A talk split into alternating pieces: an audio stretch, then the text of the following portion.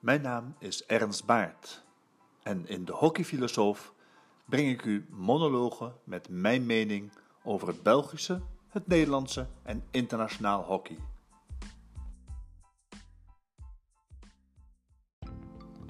Met de regelmaat van de klok horen we over plannen met betrekking tot transfervergoedingen in het Belgische hockey. Meestal vanuit de zogenaamd kleinere clubs. Maar hoe dan ook, het blijkt een onderwerp van doorlopende bezorgdheid voor velen. Zoveel is duidelijk. Ik heb me al meermaals uitgesproken tegen elke vorm van transfervergoeding in onze sport. Maar de voorstanders zijn hardnekkig blijkt. Recent werd het ook onder de aandacht gebracht door La Libre. Onder de kop Les jeunes ne doivent pas oublier leur origine sportive, vrij vertaald als de jongeren mogen niet vergeten waar ze vandaan komen, spreekt Fabrice Rogge zich uit voor een dergelijke transfervergoeding. Rogge is behalve voorzitter van La Cantoise ook de spreekbuis voor de Top Hockey League, de belangenvereniging van alle eredivisieclubs in België. Hij betreurt het verdwijnen van de echte clubmensen. Marc Coudron, voorzitter van de Belgische Hockeybond en een man met de nodige internationale ambities binnen het hockey ook, spreekt zich, zoals gebruikelijk, niet echt uit. Hij legt de bal bij de clubs die met oplossingen moeten komen, voor de bond zich hierover kan uitspreken. Maar hij geeft ook, zeer terecht, wel al mee dat de redenen voor vertrek bij een club zeer divers kunnen zijn.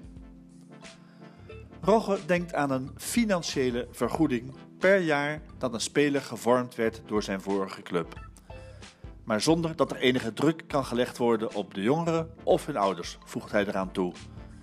Dat lijkt me bijzonder naïef. Het gevolg zal zijn dat jonge spelers die graag elders willen gaan spelen, geweigerd zullen worden door een nieuwe club vanwege de financiële verplichting die eraan vasthangt om hem op toe te laten tot de club. Dus zullen de ouders deze kost direct of indirect zelf betalen. Geen probleem voor zij die dit kunnen dragen.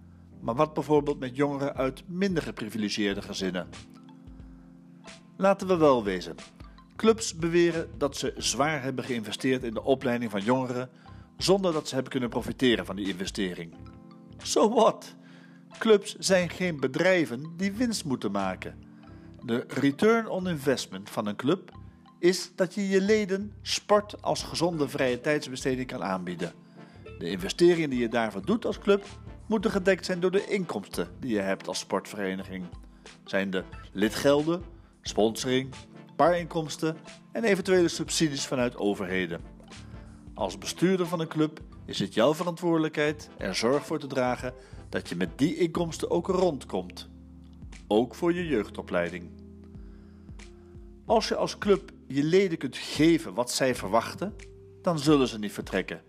Want klaarblijkelijk in tegenstelling tot meneer Rogge, geloof ik nog wel degelijk dat clubliefde of loyaliteit ten opzichte van je club bestaat. Maar als je bijvoorbeeld niet in staat bent of gewoon niet wil meedraaien in de malle molen van topsport en je hebt een talentvolle speler die meent dat, al dan niet terecht, hij het niveau van jouw club ontgroeid is, dan mag je die jongeren niet tegenhouden met de chantage van een transfervergoeding om elders het plezier in zijn sport te zoeken. Ik zou zeggen, wees trots als zogenaamd kleinere bescheiden sportclub dat zo'n talent uit jouw jeugdschool gekomen is. Wens hem alle succes in de toekomst en als er wederzijds respect is opgebouwd, dan keren ze wellicht ooit weer terug naar je club om op hun beurt ook bij te dragen aan jouw doel als sportclub, namelijk iedereen de kans geven om sport te beoefenen en deel uit te maken van jouw gemeenschap. Immers, het doel van een sportclub, zoals wij deze kennen, is niet winst maken. Je hebt geen jaarlijks dividend om uit te betalen in harde cash aan je aandeelhouders. Dus zorg ervoor als club dat je je kosten van je jeugdopleiding gedekt hebt door je inkomsten. En dan hoef je je geen zorgen te maken over het maximaliseren van je marge en je winst. Net als in La Libre heeft Rogge het ook in Le Soir, de nieuwe mediapartner van de bond, over de transfers. Dan gaat het wel over topsport in plaats van de jeugd en de zogenaamde mercato, ofwel een vastgestelde periode waarbinnen clubs en spelers eventuele transfers wereldkundig mogen maken. Want Volgens Rogge opnieuw. Ce n'est pas sain lorsqu'un club annonce trop tôt une arrivée. Certains parviennent à garder des transferts secrets. Pourquoi pas tous? Een vreemde redenering volgens mij.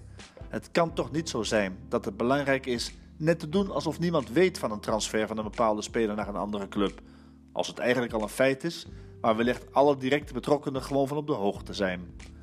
We kunnen toch niet verwachten van een speler die vertrekt naar een andere club dat hij die keuze geheim houdt voor zijn coach, voor zijn medespelers, de bondscoach eventueel. Dan pas zou je kunnen spreken van een ongezonde situatie.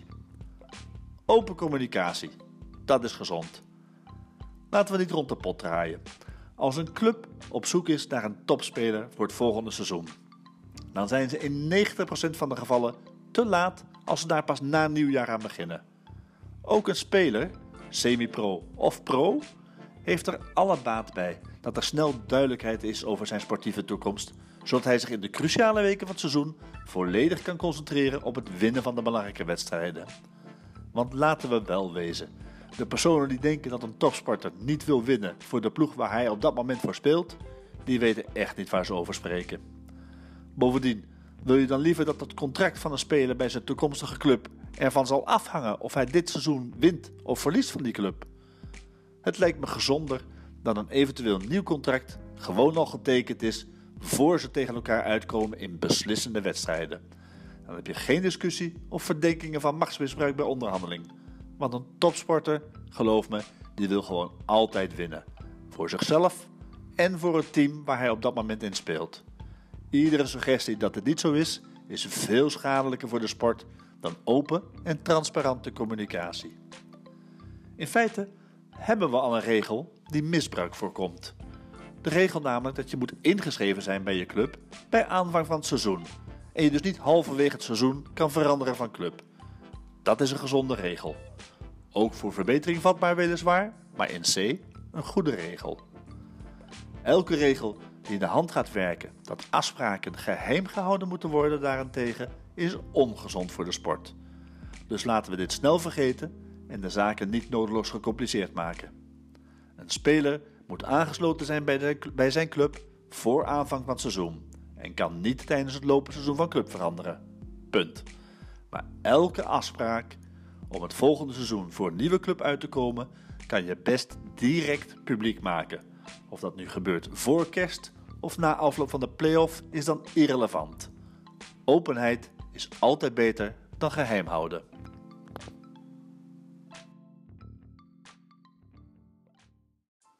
Dit was de hockeyfilosoof met Ernst Baart. Luister zeker ook een keer naar de Belgische hockeypodcast van Floris Geerts over de Belgische competitie en Studio Hockey, een internationale tophockey podcast in de Engelse taal. U vindt al deze podcasts op studiohockey.com. Veel plezier!